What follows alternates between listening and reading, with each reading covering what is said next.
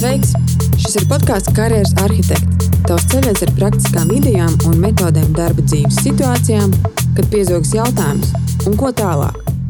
Tas būs sarunas ar cilvēkiem no dažādām industrijām, par to, kā viņi realizē sevi, par karjeras izvēlēm un lēmumiem, kas nevienmēr ir tās vieglākās. Es esmu Ginta Šepa, podkāstu veidotāja, karjeras un līderības coach, un es no sirds ticu, ka katrs no mums ir stāsta vērts Seko karjeras arhitektiem arī Facebook un Instagram. Tur es mēdzu padalīties ar vērtīgiem resursiem saistībā ar karjeras attīstību. Pagājušajās brīvdienās es ciemojos pie vecākiem. Mums tur ir liels dārsts, un pavasarī mums diezgan daudz ko darīt. Un es ķeros klāt mammas puķu dobei.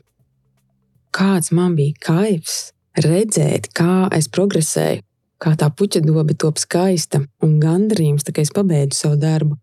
Un, protams, māma man teica, paldies. Un mēs kopīgi sēdējām un skatījāmies, o, cik labi pastrādāju.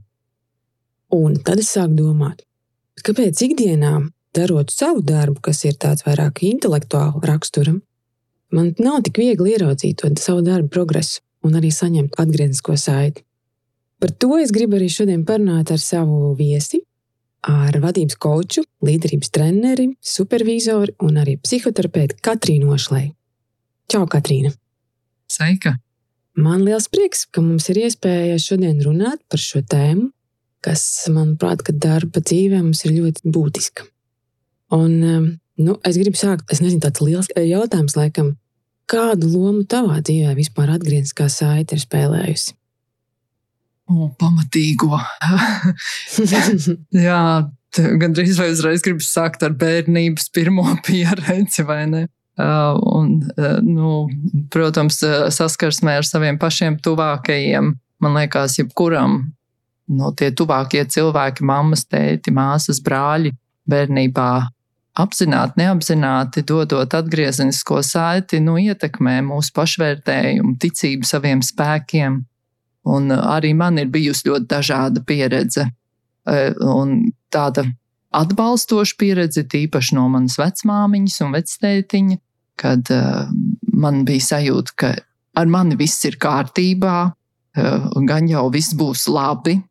Tāda uzticēšanās pasaulē veidojās. Un bija man arī eh, daži radinieki, kuri varbūt bija tādi kritiskāki, un es ticu, ka viņiem bija vislabākie nolūki. Uh, bet interesanti, ka viņi pat man neko sliktu neteica bet vairāk tādas viņu emocionālās reakcijas, pat neverbālas reakcijas, kad es ar mugurkaula smadzenēm kā bērns jutu, kā kāds uz mani dusmojās. Protams, tas man lika tajā brīdī sajusties pavisai mazi, maziņai, nevarīgai un pārstāt ticēt saviem spēkiem. Un pēc tam arī, nu, tad, kad jau es vadīju treniņus, sevišķi sākuma periodā, man ļoti ietekmēja, ja kāds grupā, nu, kādam kaut kas nepatika, kāds bija kritiskāks. Man bija pat viena tāda epizode, kad es uh, vienā brīdī nolēmu, ka es nekad vairs nevadīšu treniņus. Tik sāpīga bija tā kritika. Mm. Nu, paldies Dievam, kaut kā pārvarēju, un pārējā grupa man ļoti atbalstīja. Un es arī sapratu, ka es nekad nevaru visiem būt laba. Um, bet nu, tur vajadzēja spēku tam visam iziet cauri. Milzīga ietekme, man ne? Ko, Jā. ko citi ar savu vērtējumu var izdarīt ar mums? Nu, mans novērojums, ka, ka darba vidē ar to atgriezniskās saites došanu mums ir tā un tā. Es nezinu, iespējams, tur ir kaut kādi kultūras aspekti, kas mums, latviešiem, jā, nu, tā mēs esam skopāki arī ar to pozitīvo atgrieznisko saiti dažkārt. Varbūt arī kaut kādas vēsturiskās darba kultūras iezīmes vai kā, bet tu daudz strādā ar organizācijām un arī vadītājiem. Ko tu esi novērojis? Vai, vai mēs, mēs mhm. ejam lab, uz to labo praksi, vai mums, nu, cik tālu mums vēl ceļš ejams? Nē, nu man liekas, ka kopumā vadītāji jau ļoti cenšas. Viņi domā par to, viņus uztrauc tas, kā iedot to atgrieznisko saiti, lai neievainotu, nesāpinātu. Reizēm pat viņi aiziet tādā otrā galējībā, ka tikai to pozitīvo un um, nu, neiedod varbūt tādu atgrieznisko saiti, kas var kaut ko iemācīt, ja noklusē. Man šodien pat bija viena sesija, kur vadītājs nosprieda, ka es esmu pārāk kritisks, man vajadzētu klusēt. Ja, un es viņu bišķiņi izaicināju, ka varbūt klusēt nevajag, ja, ka ir tomēr arī liela, milzīga vērtība komandai un, un biznesam arī no tādas eh, netik uh, pozitīvas atgriezeniskās saites, bet jautājums, kā viņa tiek iedota. Jo man liekas, ka reizēm mēs iesprūstam, un tas attiecas ne tikai uz darba vidi, es domāju, arī ģimenē. Nu, mēs iesprūstam tādā pagātnes uzvedības kritikā un moralizēšanā, un aizmirstam iedot to ziņu, kā tad vajadzētu, kāda ir tā nākotnes vēlamā uzvedība. Un, protams, tā reakcija bieži vien uz to pagātnes kritiku ir nu, aizsardzība, nu, kaut kāda pretošanās, taisnošanās, jo pagātni jau nevar izmainīt. Un nu, cilvēkiem ir grūti pieņemt tādu kritiku, ja viņi tur vairs neko nevar mainīt. Bet daudz vieglāk ir tad pieņemt, ja ir iedots tā tāda nākotnes vēlamā uzvedība. Kā būtu, ja tu pamēģinātu tā, kā būtu, ka nākamreiz tu darītu šitā, tad to ir vieglāk akceptēt, jo tas jau ir manos spēkos. Nākotnē es vēl to varu izdarīt. Bet viena tendence, ko es redzu organizācijās, gan, un tur man ir tāds neliels stāstīns, Man reiz bija viens klients, viņš bija uzņēmuma vadītājs, un viņš atnāca pie manis uh, uz sesiju ar tādu uzstādījumu. Mans vadītājs, nu, kas ir īpašnieks, viņš man nedod atgriezenisko saiti. Nu, tikai uzpliķē uz pleca un pasakā, viss kārtībā, tā tik turpini. Bet, nu, kas ir kārtībā? Bet varbūt kaut kas tomēr nu, nav kārtībā. Gribas, nu, tiešām pacensties, lai izdodas. Un tad es viņam paprasīju, kā ir ar tevi? Vai tu savai komandai dod atgriezenisko saiti? Un viņš tā apklusa un pēkšņi saka, ārprāts, es taču arī nedodu. Es daru mm. pilnīgi to pašu. Un faktiski tā situācija man iemācīja, un es pēc tam vairākos gadījumos tā guvu tādu apstiprinājumu tam, ka neapzināti zemākā un vidējā līmeņa vadītāji pārņem to uzvedību, ko demonstrē augstāka līmeņa vadītājs. Un tā veidojas tā organizācijas kultūra patiesībā. Tas ir līdzīgi kā vecākiem ar bērniem. Nu, Pilnīgi. Spoguļošanās. Jā, mm. jā, mēs neapzināti kopējam mūsu autoritāšu uzvedību. Mm. Bet kāpēc, kāpēc mums cilvēkiem ir vajadzība pēc šīs atgriezniskās saites? Ko mēs no tās varam gūt? Nu, protams, pirmais, kas liekas, nu, kā mēs varam mācīties, mēs tad zinām, kas ir jāpamaina savā uzvedībā, bet nu, nav tik vienkārši, vai ne?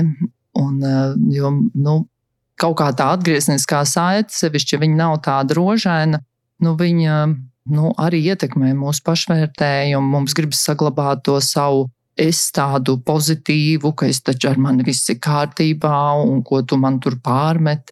Bet kopumā man liekas, ka nu, man lika, ļoti patīk tas tavs stāsts par to puķu dobi. Man liekas, arī atgriezeniskā saite jau nāk ne tikai no cilvēkiem, bet nu, arī pašiem no savas uzvedības, no vides nāk atgriezeniskā saite. Nu, ja es ielikšu pirkstu karstā teijas krūzē, kur ir karsts ūdens, ja, nu, man sāpēs. Tā ir ļoti tieši atgriezeniskā saite. Uh, ja es uh, nu, uzrakstu to puķu dobu, tad tur būs skaisti ziedi, atkal atgriezeniskā saite.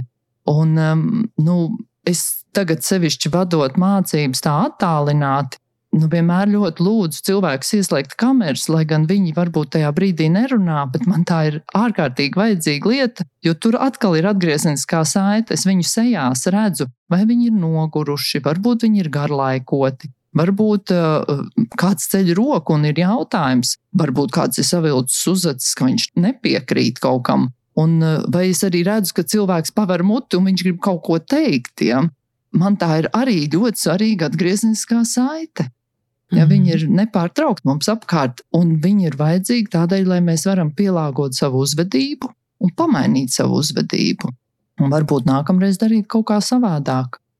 Nu, jā, Tas ir laikam tas galvenais, pamainīt savu uzvedību. Un tad laikam jau arī tas mērķis nu, ir pamainīt savu uzvedību, lai izdzīvotu. Un tādā es iedomājos pirmotnējā nu, cilvēka dzīvi. Ja, tādā dzīvē nu, noteikti bija daudz visādas briesmīgas situācijas, kur cilvēkam tiešām tas bija izdzīvošanas jautājums, viņš mācījās no tās pieredzes, kā ēdot šitās sarkanās ogas. Pēc tam ļoti sāp vēders, ja atgriezniskā saite, un viņš no tā mācās, viņš pamaina savu uzvedību. Un mūsdienās, man liekas, tā izdzīvošana ir nu, jau tādā sociālā vidē, nu, izdzīvošana, vai man vai saglabāsies darbs, vai man pozitīvi novērtēs, un kas man jādara, lai man tas darbs būtu, jā, lai es varētu parūpēties par savu ģimeni. Mm. Vai kā man komandā jāsadarboties jā. ar, ar citiem, vai, ne, vai man pieņems, vai Tieši es būšu tā. daļa no komandas. Tieši tā. Ja mēs tā piezūmotu tuvāk. Kas būtu tie principi, ko būtu labi ievērot, dodot atgrieznisko saiti otram cilvēkam, lai neaizvainotu, lai tas neaiziet tiešām tādā emocionālā plāksnē? Jā, nu man liekas, ka ir ļoti svarīgi, ka atgriezniskā saite nav pārmetumi. Mm -hmm. ka nu, primāri um, laikam runāt par sevi, nevis kā tu tur kaut ko nepareizi izdarīji, bet kā es jūtos, tad, kad nu, tu kaut ko dari tādā veidā.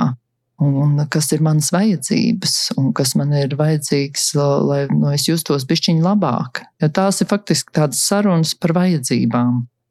Vēl viena lieta, kas man nāk prātā, nu, ir arī svarīgi to atgrieznisko saiti neturēt pie sevis ilgi, ilgi, un pēc tam gadās uzsprāgt, ja? ka tomēr dot pēc iespējas ātrāk pēc notikuma.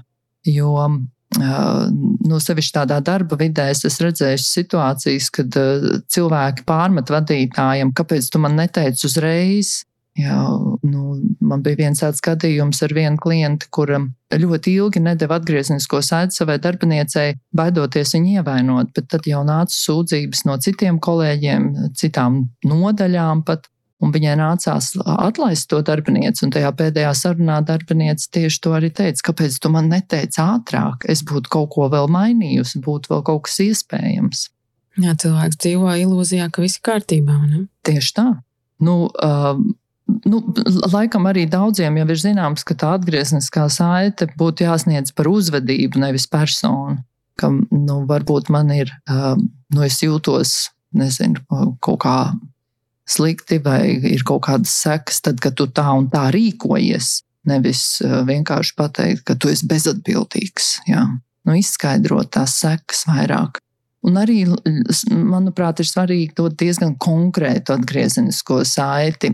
Jo reizēm es redzu, ka organizācijās nu, pasaka cilvēkam, ka tev ir vājas komunikācijas spējas, bet nu, komunikācijas spējas ir ļoti plašs jēdziens. Kas mm. tieši man jāmēģina, kas ir tā uzvedība, tā darbība, ko tu no manis sagaidi?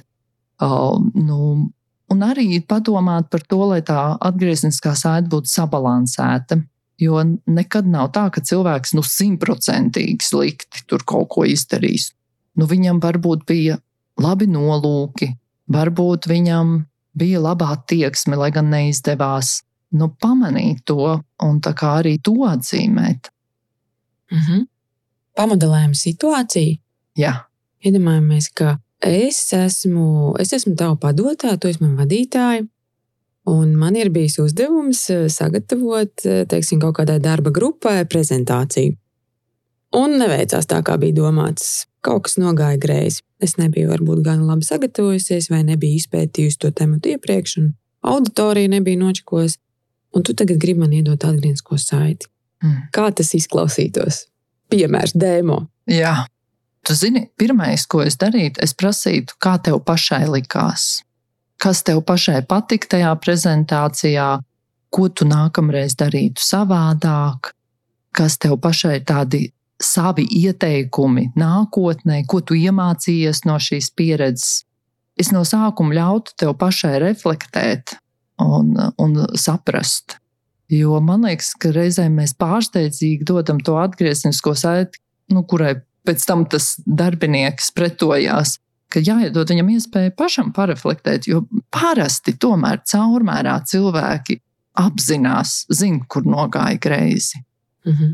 Nu, tā tā, tas refleksijas moments, man liekas, ir vispār pirmais no solis, nu, bez kur nekādīgi nevar. Protams, ir laiks tādai sarunai. Ja mums ir ļoti steidzami jādod tāda atgriezeniskā saite, lai aši, aši tur ķertos pie kaut kā cita, tad, vai krīzes situācijā, tad, protams, tas varbūt nav iespējams.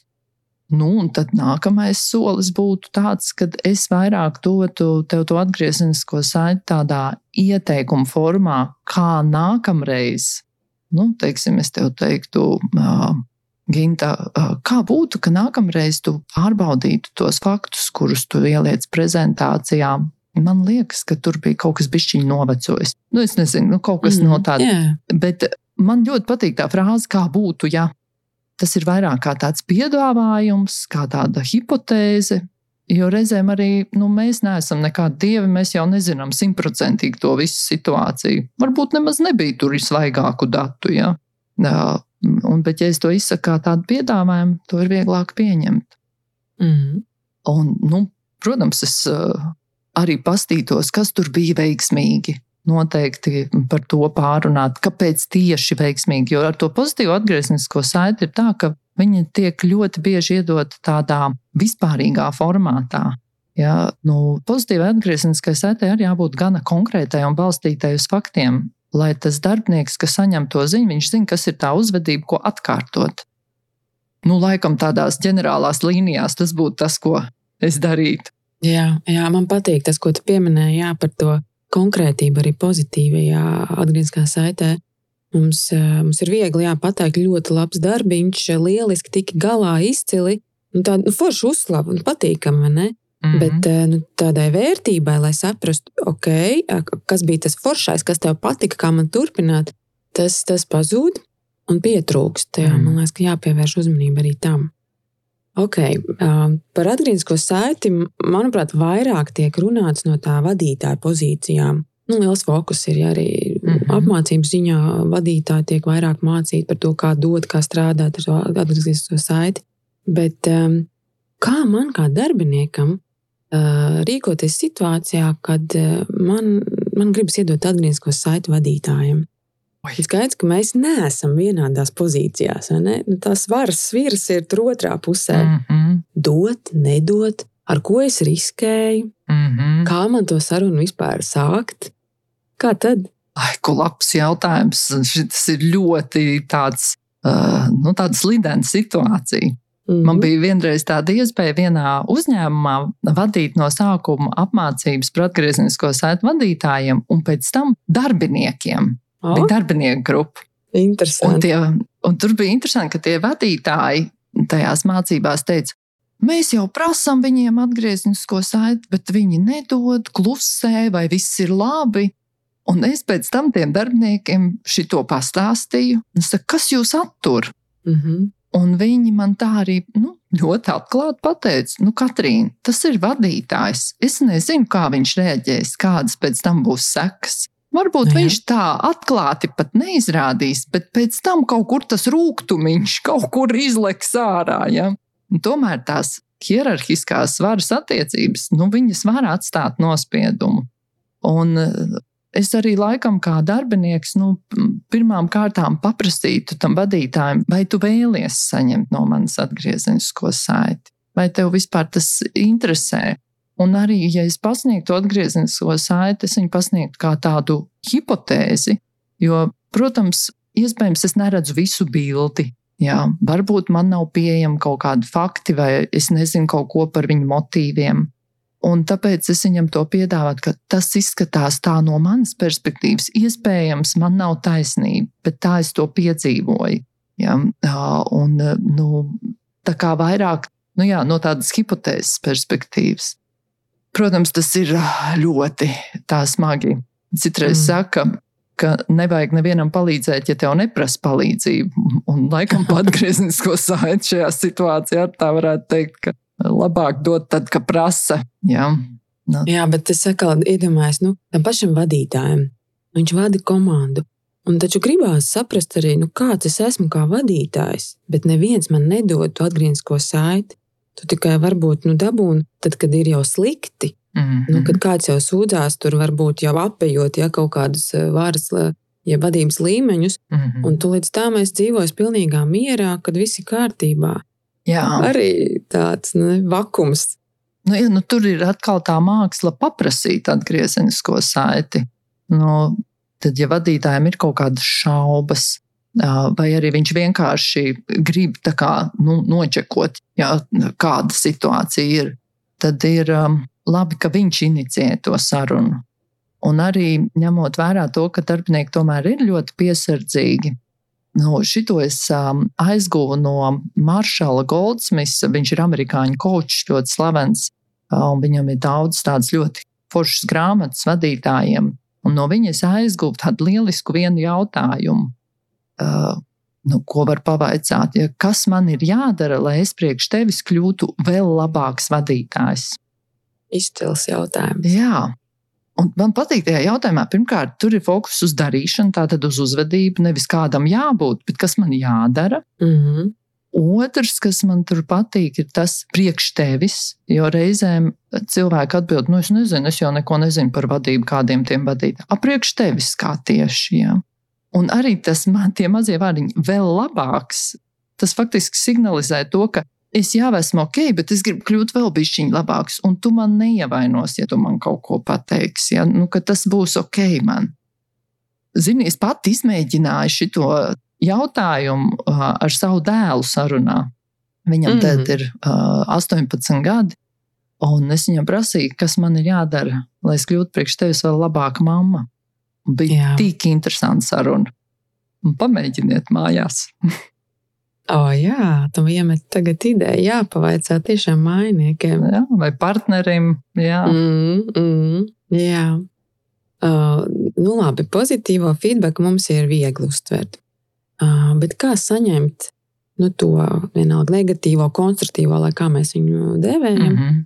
Kā man to saņemt? Jo skaidrs, ka mums ir kaut kādas emocionālas reakcijas iekšēji, vai mēs to izrādām vai nē, bet viņas ir. Mm -hmm. Un es te vienā literatūras avotā uzgāju, tur 13 uzskaitītas dažādas reakcijas, kā cilvēki var reaģēt. Oho, pasaules 13. Jā, jā, jā tur bija visādas, nu, tur saraksts ir, jā, Mm -hmm. iedziļinoties, bet, eh, nu, skaidrs, ka tipiskākais mm. -hmm. noliegums, jā, Mm -hmm. vai, vai tie visi citi tur neko nesaprot. Oh, jā, es nezināju, ka, visi, ka viņi tik, vā, tik eh, jutīgi. Es jau to tā nebiju domājis. nu, nu, tādā garā. Jā. Kā saņemt, jā, atgriezko saiti? Man liekas, laikam viss sākas pirmkārt ar tādu sevis vērošanu. Nu, tā kā pirmkārt pamanīt, kas mani aizskar, vai mani aizskar tas saturs, ko man saka. A, varbūt man aizskar forma. Nu, man pašai ir reizēm tādas situācijas, man ir viena draudzene, kas ir ļoti tieša cilvēks. Nu, viņa tāds bišķiņa buldozers ir. Un tad, kad viņa man sniedz atgriezenisko saiti, tad eh, nu, es, es, protams, es klausos un es vēroju, un es saprotu, saturs ir ok. Viņa saka lietu, Jā, bet nu, tā forma mani vienkārši beidz nost. Un tad es viņai reizēm arī pēc tam saku, vai tu varētu man pateikt to vēlreiz, bet tā it kā tu man mīlētu. jo tas man ļauj vieglāk pieņemt to atgriezenisko saiti. Pirmkārt pamanīt, vai tas ir par saturu vai par formu. Arī pavērot sevi, nu, kas manī tagad notiek. Vai es gribu aizstāvēties, taisnoties, varbūt es vienkārši sagrūstu iekšēji un man kļūst ļoti skumji. Nu, tā kā pamanīt tās iekšējās kustības. Bet tā ārēji es teiktu, ka tur nekas sarežģīts nav. Ir divas vienkāršas lietas, ko darīt. Um, pirmkārt, pārbaudīt sapratni. Nu, vienkārši pārbaudīt, vai es pareizi saprotu, ka tu manā uzvedībā novēro to un to, un tas rada tādas un tādas sekas. Nu, tā kā pārbaudām. Var, varbūt tur nāk kaut kas vēl klāt, kaut ko cilvēks pielabo, viņš dzird sevi no malas. Un otrs, um, prasīt jautājumus, uh, nu, konkretizēt, un piemērus un situācijas. Pastāst man, kādās situācijās tu to pamani. Iedod man kādu piemēru, lai es labāk saprastu, kā tas izskatās no malas. Jo tas mums ļauj labāk tiešām izprast nu, to citu perspektīvu, un nu, tiešām, kas ir tā uzvedība manējā. Nu, tas būtu par tādu iekšējo un ārējo mm. reakciju. Bet, protams, tas nav viegli, jo mums, nu, kad mēs saņemam atgriezenisko saiti, tad sevišķi, ja tāda viņa nav ļoti pozitīva, tad um, nu, mums uzreiz ieslēdzās mūsu amigdala uh, smadzeņu centrā, un amigdala ir mūsu tāds emocionālais emociju centrs. Un uh, ieslēdzās nu, apdraudējuma sajūta, jā, kad te ir kaut kāda draudi manam statusam, manai autoritātei, Un, um, ja ir apdraudējums, tad sāk izdalīties kortizols, stresa hormons. Un tam kortizolam ir tāda jocīga lieta, viņš ļoti lēni izdalās no organisma un ilgi uzturās mūsu ķermenī. Un mēs ilgi esam tajā trauksmē, uztraukumā, stresā. Un mēs maļam tās domas, kā viņš man tā pateica, tad mēs vēl kādam citam tur pastāstām, vēl piemetam tur tādu karstumu klātai visai padarīšanai. Un interesanti pētījumi rāda, ka savukārt pie pozitīvas atgriezeniskās saites vairāk izdalās uh, oksitocīns, dopamīns. Oksitocīns ir tā saucamais uzticēšanās hormons. Un viņš savukārt ļoti ātri izdalās no ķermeņa. Un kas notiek, ka mums tā pozitīva atgriezeniskā saite, nu, tā kā pīlē ūdens, ja pa vienu ausu iekšā, pa otru ārā. Un mēs tur īpaši nu, neņemamies ap to pozitīvo atgriezenisko saiti. Nu, šis ir tā, vienkārši ir vērts atcerēties un sevi pavērot, nu, kā manī tas kortizols tagad darbojas. Ja? Jo tomēr, ja mēs varam tā distancēti un apzināti vērot, tad mēs varam sākt izvēlēties savu reakciju, nevis automātiski reaģēt. Ja? Šis tāds treniņš, ko, ko rītīgi ir jātrenē, tā, man liekas, ka nav viegli mm -hmm. iedarbināt. Nu, labi, es esmu saņēmusi tagad atgrieznisko saiti, es esmu uzklausījusi, kā nu, kā nu kurā reizē reaģējusi, bet ko man ar to darīt tālāk, lai, lai tā tomēr būtu tiešām vērtība? Kā saka, feedbacks, atgriezniskā saite ir dāvana. Mm -hmm. nu, kā, kā tiešām to informāciju, ko es saņemu no citiem, pārvērst dāvanā, kas man kā vērtība ir? Nu, vislabāk uh, ir tad, ja tajā sarunā arī var izveidot kaut kādu vienošanos. Nu, ko tad es nākamreiz darīšu savādāk? Un pat ja no tevis neprasa to vienošanos, nu, varbūt tad var pie sevis tā pārdomāt. Mm, jā, nebija viegli saņemt to atgrieznisko saiti, bet nu, kas būtu tieši tā uzvedība, ko nākamreiz es esmu gatavs izmēģināt, paeksperimentēt? Oh, un nu, tā ļoti konkrēti jo atkal, ja vienkārši es nākamreiz nu, kaut kā tur mēģināšu savādāk, nu, tas nu, parasti tā pienāk tā nākamā reize, un es savā autopilotā aizēju vecajās sliedēs. Ja? Uh, bet nu, arī man šodien no rīta bija kaut kāda sesija, tā kā sagadījies arī par atgriezenisko saiti un par jaunu paradumu veidošanu. Un mēs ar to manu klientu vienojāmies, ka viņš sev pie sienas priekšā pie datora pieliks lapiņu, ar bullet pointiem, kas ir tā jaunā uzvedība, lai tad, kad nākamreiz ir tur tā sapulce, ja, lai viņš nu, sev atgādinātu, kas ir tie konkrētie soļi un uzvedības, ko viņš darīs.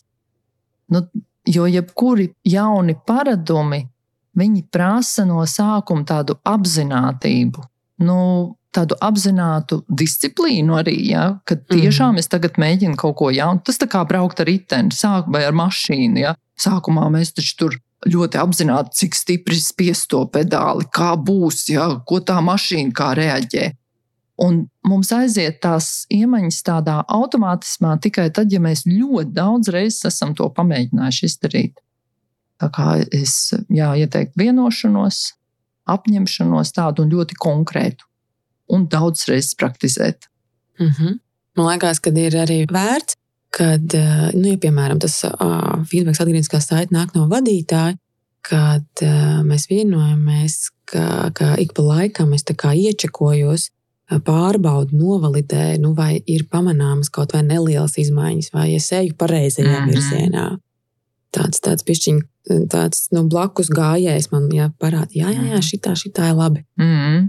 Es pat citreiz prasu cilvēkam, uh, nu, kas ir tie kriteriji, kas tev ziņos par to, ka ir progress. Mm. Nu, vai kas ir tie cilvēki, kuri tev var dot ik pa laikam atgriezenisko saiti, ka te ir progress. Starp citu, tas pats Maršals Goldsmiths, viņš ļoti interesants. Viņš, viņam ir specializācija, viņš strādā tikai ar tādiem vadītājiem, kuriem ir smags raksturs. Piemēram, viņš ir savulaik, jā, jā. Mm -hmm. viņš savulaik strādāja arī piemēram, ar Steve Jobs. Un Steve Jobs bija slavens ar to, ka nu, viņš diezgan nejauks cilvēks bija. Jā. Un, eh, un tad um, Viņam viss tā paraduma maiņa balstās tieši uz atgriezenisko saiti, ka vadītājs, nu, teiksim, ja tur ir kaut kāda uzvedība, ko viņš grib nostiprināt sapulcēs, tad viņš pēc sapulces viņam ir divi, trīs cilvēki, kuriem viņš prasa, kā bija, ko nākamreiz vēl savādāk un ļoti konkrēti. Tādu savu uzticamības jā, loku izveidot. Jā, bet arī tas, ka viņš ir nu, vismaz dažiem cilvēkiem publiski paziņojis, ka viņš tās pārmaiņas ievieš, Mm -hmm. Tas jau var baigi motivē. Viņi tagad skatās sapulcē, kā ir. Jā. No nu jā, vai no viņš jā. dod vārdu citiem, vai nedod? No, šis labs trendiņš, jā. Mm -hmm. Ok. Um, jā, jautājums, kā piemēram man pavaicāt feedbacku? Nu, ir organizācijas, kur tā atgriezniskās saites būšana ir, ir izveidota jau tādā sistemātiskā veidā. Nu, tā kaut vai regulāra procesa, ja tur reizi mhm. gadā vai reizi kvartālā, kad man ir tā saruna ar vadītāju, ir pat tā saucamie 365, nu, visas šīs mhm. metodes. Bet kā es strādāju mazā uzņēmumā, mums šī tēma vispār neeksistē, bet man ir ļoti svarīgi. Mm -hmm. Kā man dabūt, kā man pavaicāt, ko man vaicāt? Nu, ja tas ir par tādu ilgtermiņa veikumu, nu, nezinu, tur pagājis kaut kāds liels projekts, un es gribu saprast, kā, kā tam man ir veicies. Vai es esmu tur gadu nostrādājis pirmo un gribu saprast, kā veicies.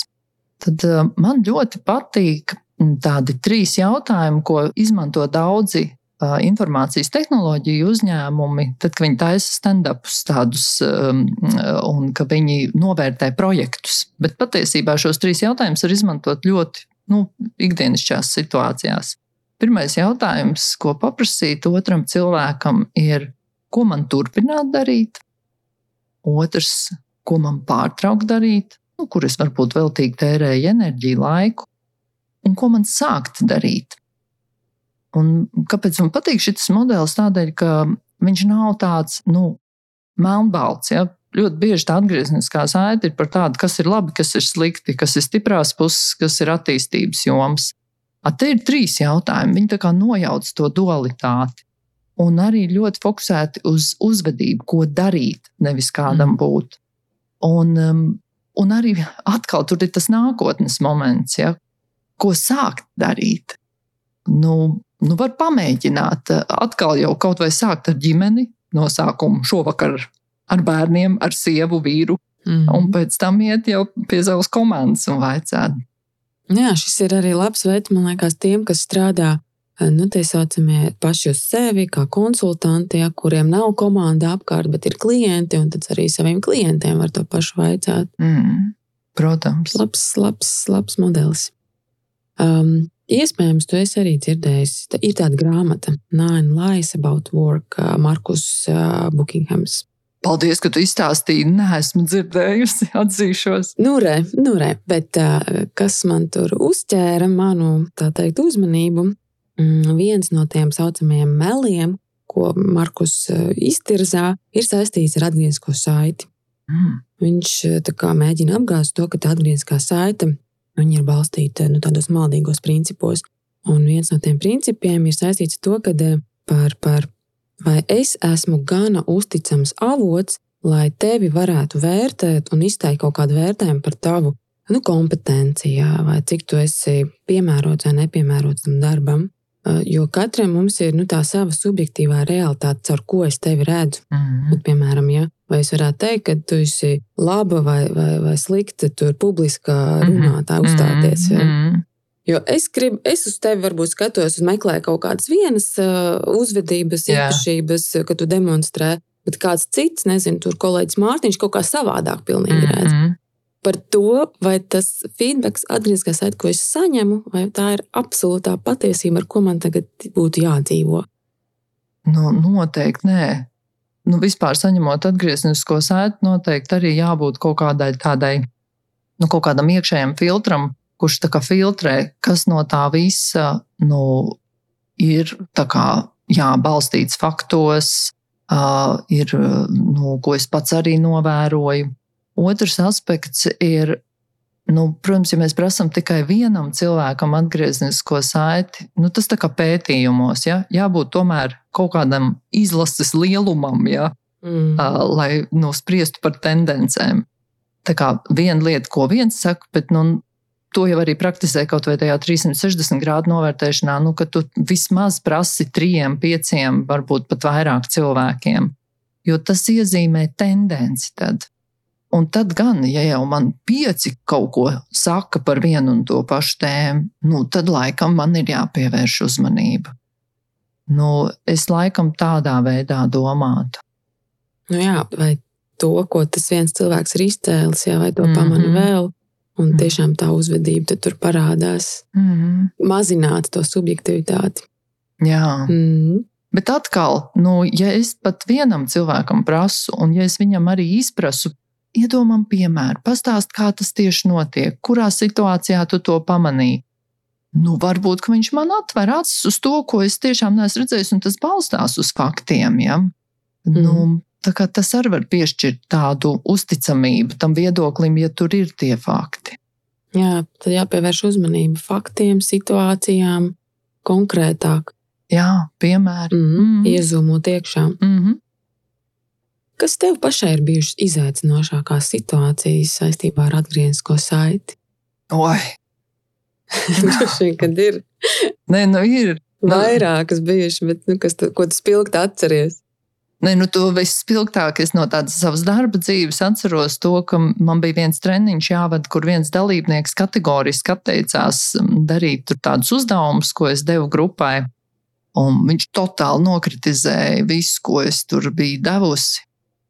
Un es pilnīgi sajūtu, kā es tajā momentā nu, tā regresēju līdz tādas septiņgadīgas meitenes līmenim. Es gribēju tajā brīdī vienkārši saplūst ar sienām, palīst zem galda, kaut kur pazust. Ja? Un tas bija tas moments, kad es eh, pēc tam domāju, ka es vairs nepasniegšu. Man tas bija tik eh, satriecoši. Bet tā grupa pārējā pēc tam man iedeva arī atgriezenisko saiti. Viņi man iedeva tādu atgriezenisko saiti, ka Katrīna pārējiem bija labi tie uzdevumi, bija ok. Un, eh, un ka Nu, un arī tā grupa faktiski ies, nu, tajā brīdī arī nu, pateica tam vīrietim, ka nu, viņš taču var arī iet projām, ja nu, nav jau problēma, ja viņam kaut kas nepatīk. Viņi bija gatavi darīt tos uzdevumus. Nu, tas man tāds laikam bija viss vis tāds emocionāli, nu, tāds smagākais brīdis. Protams, ir bijušas arī kaut kādi tādi citi momenti, nu, kad uh, ģimenē, kad tādi paši tuvākie cilvēki dod atgriezenisko saiti, kas nu nav patīkama. Bet tad es tiešām mēģinu saprast, kas tur ir apakšā zem tā, kā tas ir, kā viņš to piedzīvo. Nu, jo tomēr nu, mēs, nu, kā lai saka, ir lietas, ko mēs par sevi zinām un ko citi par mums zina. Ir lietas, ko mēs par sevi zinām un citi nezina. Bet ir lietas, ko es nezinu par sevi, bet citi zina par mani. Mm -hmm. Un tā atgriezeniskā saite ir iespēja uzzināt šo. To, ko citi ir pamanījuši, bet es nemaz tā, nu, man pat prātā neienāk. Un, protams, ir lietas, ko ne citi zina, ne es pats apzinos. Bet, ja es tomēr vairāk dabūnu to atgriezenisko saiti, es varu jau ieiet arī tajā zonā, nu, paplašināt to zonu, kas ir tā nezināmā, jā, tāda ēnas zona, un vairāk sevi apzināties, kā mm. citi mani piedzīvo. Redz, kā tu tik skaisti īstenībā nofinišē mūsu sarunu par to, ko tā atgriezniskā saite mums var dot, ja tādu plašāku apzināšanos par sevi par to, kā mēs iedarbojamies ar citiem, un kas vēl ir mūsu pašu neatklātie horizonti pašiem mm par sevi. Mīļš, paldies tev par sarunu. Es ļoti, ļoti priecājos, ka šī saruna izdevās, un es ceru, ka kādu mums izdevās iedrošināt, pavaicāt atgrieznisko saiti, kādu iedrošinājām sniegt atgrieznisko saiti, un, un, un, un jā, atklāt un izzināt sevi. Un tev es gribu novēlēt, mūsu saruna ir maijā, bet es jūtu, ka tuvojas vasara. Un zinot, cik ziemas sezona tev parasti ir darbiem pilna un piesātināta, es tev gribu novēlēt skaistu, siltu, saulainu atpūtu vasarā, Katrīna. Ai, mīļš, to paldies. Man ļoti nodara tāds novēlējums. paldies tev par sarunu. Paldies tev, ka tu man uzaicināji. Un ar tevi klausītāji, tad tiekamies jau nākamajā stāstā. Ah, tá. Ah, tá.